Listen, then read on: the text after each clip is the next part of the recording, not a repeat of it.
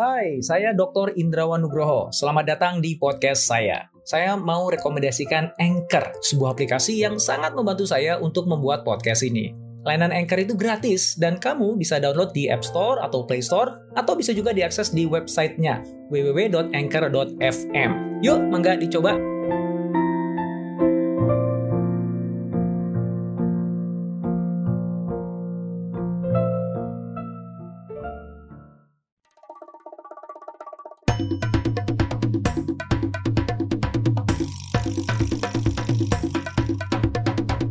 Kini Podcast Network.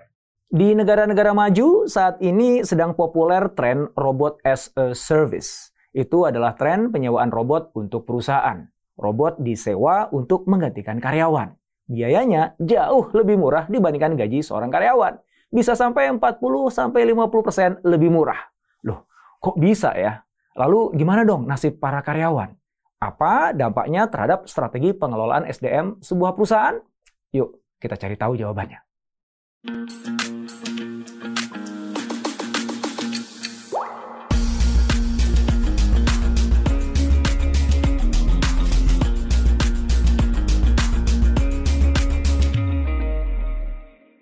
Kita mulai dari AI Day tahun lalu. Waktu itu Elon Musk mengatakan Tesla sedang membangun robot humanoid. Namanya Tesla Bot. Saat itu Tesla belum memiliki prototipenya, dan sebagai gantinya, mereka hanya menghadirkan seorang penari. Di atas panggung, si penari memakai Unitard Spandex Tesla Bot. Nah, pada AI Day tahun ini, di 2022, Elon Musk dan tim Tesla akhirnya mampu memamerkan prototipe robot humanoid bipedal yang diberi nama Optimus. Miliarder itu mengatakan, nanti ribuan robot-robot seperti itu akan dipekerjakan di pabrik Tesla. Untuk saat ini, kata Elon Musk, robot humanoid kehilangan otak. Mereka tidak memiliki kecerdasan menavigasi dunianya sendiri. Harganya juga mahal dan diproduksi dengan jumlah terbatas. Sedangkan Optimus buatannya akan menjadi extremely capable robot alias robot yang sangat mampu dan akan dibuat banyak. Bahkan bisa mencapai jutaan unit katanya. Luar biasa ya. Musk yakin suatu saat nanti bisnis robot akan lebih bernilai daripada bisnis mobilnya. Konon harga Optimus bisa lebih murah daripada harga sebuah mobil, yaitu di kisaran 20.000 US dollar atau sekitar 300 juta rupiah. Sayangnya Optimus belum bisa dibeli sekarang, sebab Optimus baru akan tersedia dan bisa dibeli nanti 3 sampai 5 tahun lagi. Jadi kita harus sabar nih ya. Nah, terus untuk perusahaan bisa memiliki robot pekerja, apakah memang harus menunggu selama itu sih? Jelas enggak. Sebetulnya robot sudah banyak digunakan di pabrik-pabrik, termasuk di pabriknya Tesla. Hanya bentuknya tidak seperti manusia. Robot itu hanya seonggok mesin yang melakukan pekerjaan yang bersifat repetitif. Harganya juga mahal. Jadi tidak heran kalau hanya perusahaan-perusahaan raksasa aja ya yang sanggup memilikinya, seperti Tesla atau Amazon misalnya. Nah, sekarang ternyata situasi sudah berbeda. Di negara-negara maju, perusahaan kelas menengah pun sudah mulai memakai robot. Mereka mengganti karyawannya dengan robot. Hmm, kok bisa? Dalam beberapa tahun terakhir, robot telah melakukan banyak jenis pekerjaan. Wajar karena dengan teknologi sekarang, robot bisa menjadi lebih mampu dan lebih mudah difungsikan, serta juga lebih murah. Robot juga sudah lebih mudah diintegrasikan ke sistem operasional pabrik. Itulah kondisi yang membuat kita tidak perlu heran ketika pada tahun 2020 kemarin diperkirakan sebanyak 384 ribu unit robot industri sudah digunakan secara global. Apa sih yang membuat robot semakin banyak dipakai di industri? Ternyata selain karena biaya memproduksi robot relatif jadi lebih efisien dan juga tentu saja robot lebih mampu melakukan tugas-tugas yang lebih bervariatif, Ternyata kini muncul model bisnis baru yang memungkinkan perusahaan-perusahaan kelas menengah untuk menggunakan robot. Kalau dulu nih ya, untuk memakai robot investasinya kan mahal sekali. Belum lagi biaya pengembangan, instalasi, dan juga maintenance-nya yang sangat tinggi. Nah, sekarang udah nggak begitu lagi. Sekarang semua perusahaan bisa menggunakan robot pekerja. Pertanyaannya, kok bisa? Ya, bisa karena sekarang sudah ada layanan Robot as a Service atau RAS singkatannya. Nah, dengan RAS ini perusahaan-perusahaan sudah bisa menyewa robot. Tarifnya bisa jam-jaman. Tren inilah yang sekarang sedang berkembang pesat di berbagai negara maju. Bisa dibilang tren ini diawali dari Wilmington, Massachusetts. Di sana pada tahun 2014, Locus Robotics mempelopori konsep penyewaan robot. Robot kemudian semakin populer ketika terjadi pandemi COVID-19. Sebab pada saat itu perusahaan banyak yang kekurangan pekerja, padahal mereka harus bisa tetap memenuhi permintaan. Belum lagi mereka juga harus menghadapi soal kenaikan upah minimum. Nah, menyewa robot jadi solusi bagi banyak perusahaan. Salah satunya adalah sebuah perusahaan manufaktur di Chicago Selatan. Nah, itu adalah perusahaan pembuat engsel, kunci, dan juga bracket logam yang sudah beroperasi sejak 100 tahun yang lalu. Kini mereka menyewa robot dengan biaya setara 8 US dollar per jamnya.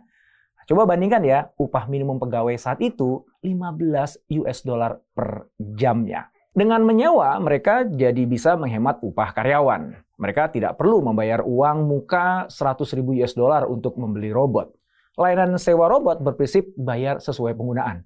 Jadi penyewa bisa menguji teknologi terbarunya, kemudian mengirimkannya kembali kalau ternyata tidak sesuai harapan. Jadi dengan menyewa robot, perusahaan terhindar dari keharusan melakukan investasi besar di awal. Sekaligus juga bisa mengurangi biaya upah karyawan antara 40 sampai 50 persen. Itulah penyebab bisnis sewa robot sekarang jadi tren. Lalu sejauh mana sih tren itu sudah berkembang?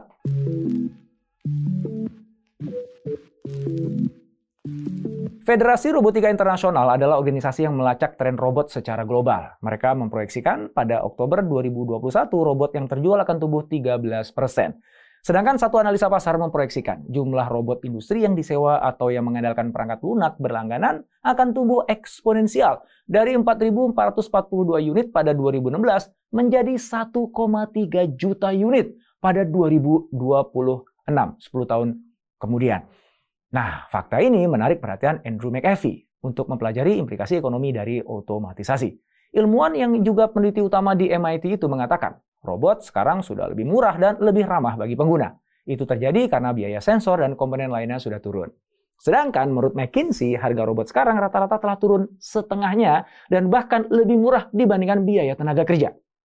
Kemajuan pengembangan perangkat lunak, daya komputasi, dan teknologi jaringan telah membuat biaya pemasangan dan pemeliharaan mesin juga menyusut. Robot pada masa kini sudah memakai teknologi machine vision, AI, dan deep reinforcement learning. Teknologi itu membuat biaya produksi robot lebih efisien dan lebih rendah. Autonomous Guided Vehicle atau AGV sekarang dapat berfungsi memindahkan material dari satu lokasi ke lokasi lain secara mandiri. Juga mampu memastikan bahwa setiap alat berat tidak saling bertabrakan dan dayanya tetap terisi sepanjang aktivitasnya. Lin Wu, seorang profesor di University of Pennsylvania's Wharton School, berharap akan lebih banyak perusahaan yang menggunakan layanan robot as a service.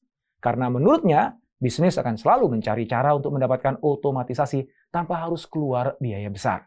Harapan Lin mungkin sudah mulai terwujud ya. Buktinya, pendapatan Locus Robotics tumbuh enam kali lipat hanya dalam satu tahun terakhir. Kita percaya robot tidak akan sepenuhnya menggantikan manusia. Walaupun memang robot membuat operasi jadi lebih efisien dan membantu menjustifikasi upah pekerja yang naik semakin tinggi dan juga biaya pelatihan yang diperlukan supaya perusahaan tetap kompetitif. Pada saatnya nanti kemampuan robot akan jadi lebih hebat dengan kecerdasan buatan atau AI yang ditambahkan ke robot, maka perusahaan yang menggunakannya akan bisa mengatur ulang banyak hal di dalam perusahaan. Dampaknya juga jadi akan sangat besar baik dari sisi produktivitas maupun pada perencanaan dan pengelolaan SDM. Amazon sudah membuktikannya. Mereka memanfaatkan robot untuk menyortir dan mengemas barang secara otonomus atau mandiri. Hasilnya, produktivitas meningkat 4 hingga 5 kali lipat dengan tenaga kerja yang jauh lebih sedikit, berkurang 75%. Awalnya itu dibutuhkan 1000 pekerja. Nah, sekarang dengan adanya robot hanya membutuhkan 250 pekerja saja. Nah, itu tentu saja akan jadi PR untuk tim HR ya. Suatu saat nanti robot akan semakin pintar. Hai, sebelum kita lanjut podcastnya, kamu sudah pernah dengar Anchor kan? Anchor adalah all-in-one podcast editing platform yang saya gunakan untuk rekaman, edit suara, tambah lagu, dan semua hal dalam pembuatan podcast yang sedang kamu dengerin ini. Anchor bisa membantu kamu bikin podcast kamu sendiri loh. Caranya gampang, tinggal download dari App Store atau Play Store, atau bisa juga diakses di www.anchor.fm. Download Anchor sekarang ya. Tapi walaupun begitu, sepintar-pintarnya robot, tetap aja mereka nggak akan mampu merespon dinamika lingkungan dinamika yang selalu menyuguhkan kompleksitas, ketidakpastian. Itulah sebabnya robot tidak bisa sepenuhnya menggantikan manusia. Robot hanya bisa melakukan pekerjaan yang sederhana. setidaknya untuk saat ini. Jadi, otomasi sebenarnya tidak terlalu mengancam keberadaan manusia. Sekali lagi, untuk saat ini. Buktinya, sebuah pabrik pengolahan makanan di California masih membuka 25 posisi baru. Padahal mereka telah memfungsikan robot di perusahaannya. Robot tidak selalu berbentuk perangkat keras, juga bisa berbentuk perangkat lunak. Inilah yang sudah lama berperan menggantikan manusia. Pekerjaan-pekerjaan yang sudah diotomasi yang dilakukan oleh robot. Nama kerennya adalah Robotic Process Automation atau RPA, sebuah teknologi yang memungkinkan organisasi untuk mengotomatisasi tugas berbasis algoritma, berulang dan dalam volume yang tinggi dengan menggunakan robot perangkat lunak. Saya teringat pada November 2019, ketika itu Presiden Joko Widodo berencana mengganti PNS eselon 3 dan 4 dengan robot. Tentu saja bukan dengan robot humanoid ya, seperti Optimusnya Tesla ya melainkan dengan software robot berbasis kecerdasan buatan atau artificial intelligence. Tujuannya adalah untuk mempercepat birokrasi. Dan sejak tahun lalu, inisiatif itu sudah mulai diwujudkan. Setia Pratama, Kepala Biro Hukum, Humas, dan Kerjasama pada bagian Kepegawaian Negara atau BKN, mengatakan begini. Pekerjaan yang sifatnya administratif, rutinitas, dan repetitif, serta memiliki prosedur operasi standar yang jelas, menurut peraturan perundang-undangan yang berlaku, dapat digantikan dengan teknologi. Menurut dia, proses transformasi digital birokrasi bisa dilihat dari jumlah PNS yang terus menurun. Jumlah ASN atau PNS aktif per Juni 2021 mencapai 4.081.824 orang. Turun drastis jika dibandingkan tahun 2015 silam yang jumlahnya 4.593.604 orang. Saat ini kita berada di masa seperti yang disebut John Maynard Keynes dalam esainya berjudul Economic Possibilities for Our Children di tahun 1930 sebuah situasi yang dia sebut dengan painfulness of readjustment between one economic period and another. Sulitnya penyesuaian kembali antara satu periode ekonomi dengan periode ekonomi lainnya. Nah, jadi otomatisasi memang tidak mudah ya bagi semua pihak. Namun itu adalah sebuah keniscayaan. Lihat saja tren kenaikan biaya pekerja di grafik berikut yang secara drastis terus meningkat dari tahun ke tahun. Ya, lihat garis yang warnanya biru ya. Nah, bandingkan dengan tren penurunan harga robot di tahun-tahun yang sama. Lihat garis warna coklat ya. Coba, gapnya semakin besar kan? Nah, sekarang lihat grafik ini. Ini menunjukkan proyeksi biaya kumulatif dari membayar pekerja manusia untuk tiga shift per hari yang diwakilkan oleh garis berwarna merah. Bandingkan dengan biaya mengoperasikan robot selama 24 jam sehari atau setara tiga shift pekerja. Jauh banget kan ya gapnya ya? Nah, gap ini akan terus-menerus membesar dan pada suatu saat nanti, sudah nggak masuk akal lagi secara finansial bagi perusahaan untuk mempekerjakan manusia. Sebagian dari Anda mungkin berpikir, pekerja yang tergantikan oleh robot itu kan hanya terjadi di negara-negara maju. Enggak lah kalau di Indonesia. Di sini kan biaya buruh masih murah, ya kan? Enggak seperti di sana. Nah, pikiran itu mungkin ada benarnya. Tapi pertanyaannya kan gini, apakah selamanya akan seperti itu? Ya, enggak lah. Coba ingat ya, dulu yang punya komputer itu kan cuma perusahaan-perusahaan besar di negara maju. Nah, sekarang, bahkan perusahaan kecil di negara ketiga pun sudah menjadikan komputer sebagai perangkat standar kerja sehari-hari. Dulu, hanya perusahaan teknologi tinggi kelas dunia yang menerapkan robotic process automation. Sekarang, perusahaan kelas UKM aja di Indonesia nih, sudah banyak yang menggunakan layanan RPA itu secara cloud. Hal yang sama akan terjadi pada robot fisik. Tidak lama lagi, robot-robot itu akan memenuhi lorong-lorong pabrik di berbagai perusahaan di pelosok Nusantara ini.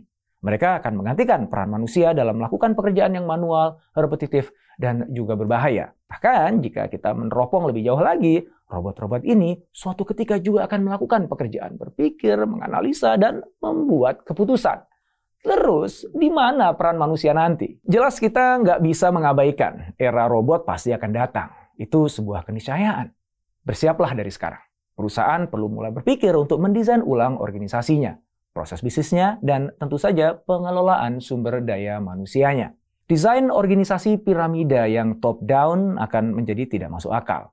Alur penyampaian informasi, perintah, dan keputusan yang harus melewati beberapa layer untuk bisa dieksekusi tidak akan layak lagi diterapkan.